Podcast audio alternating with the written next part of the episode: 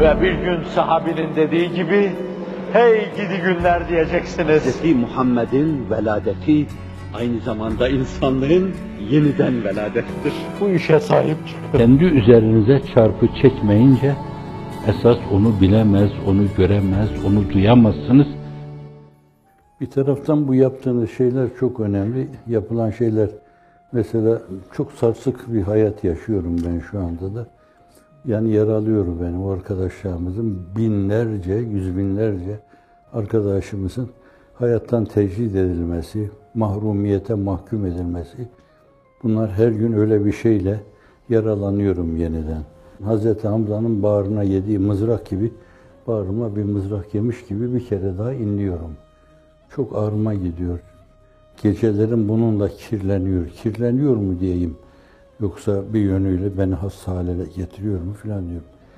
Ama hani bunlar meselelerin bir yani insanı olma şeyi. Duyuyorsunuz bunları.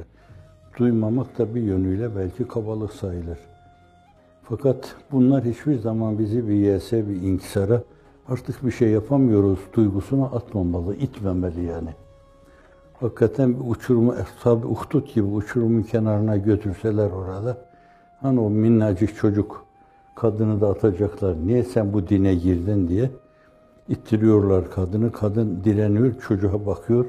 Çocuk sahipsiz kalacak. Konuş. Üç tane çocuğun konuştuğundan bahsedilir.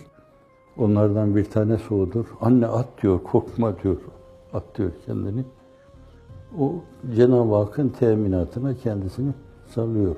Bunun gibi böyle siz bir araya gelince, böyle konuşunca ben muhakkaten böyle oksijen yudumluyor gibi oluyorum yani. Hakikaten. Muhakkaten kendimden sıyrılıyorum. Böyle siz olamam da katiyen fakat siz oluyor ve rahatlıyorum böyle. Sizin içinizde geldim hissediyor ve rahatlıyorum Allah'ın izni inayetiyle. Bu mesele o mevzuda sürekli o metafizik gerilimi koruma adına çok önemli bir şey. Buna dikkat etmek lazım. O bir araya gelmede esasen mesela diyelim burada bazen şöyle oluyor. Arkadaşlardan birisi namaz kıldırıyor orada. Hislerine yenik düşüyor, bir ağlıyor. Bir sinerji meydana getiriyor ki saflarda ağlama meydana geliyor yani.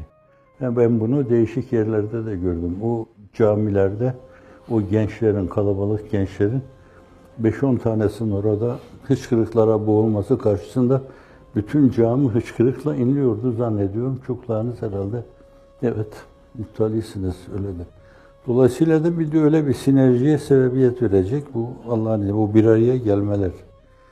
Bir de mutlaka bir araya geldiğimizde kitap okuma mevzuna yönelmek lazım yani. Mesela Risaleleri okumak lazım bu mevzuda.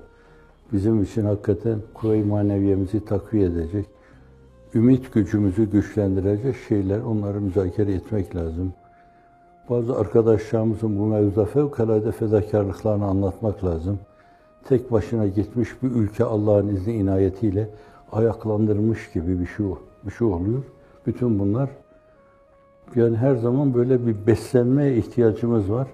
Onun için Kur'an-ı Kerim sahabe-i kirama bile ya eyyühellezine amenu aminu billahi ve rasulü.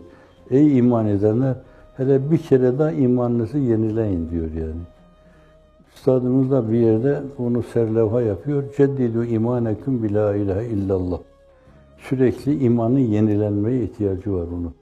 Değişik faktörleri, değişik şeyleri, argümanları değerlendirerek, değişik delilleri değerlendirerek sürekli iman adına hep canlı kalmamız lazım.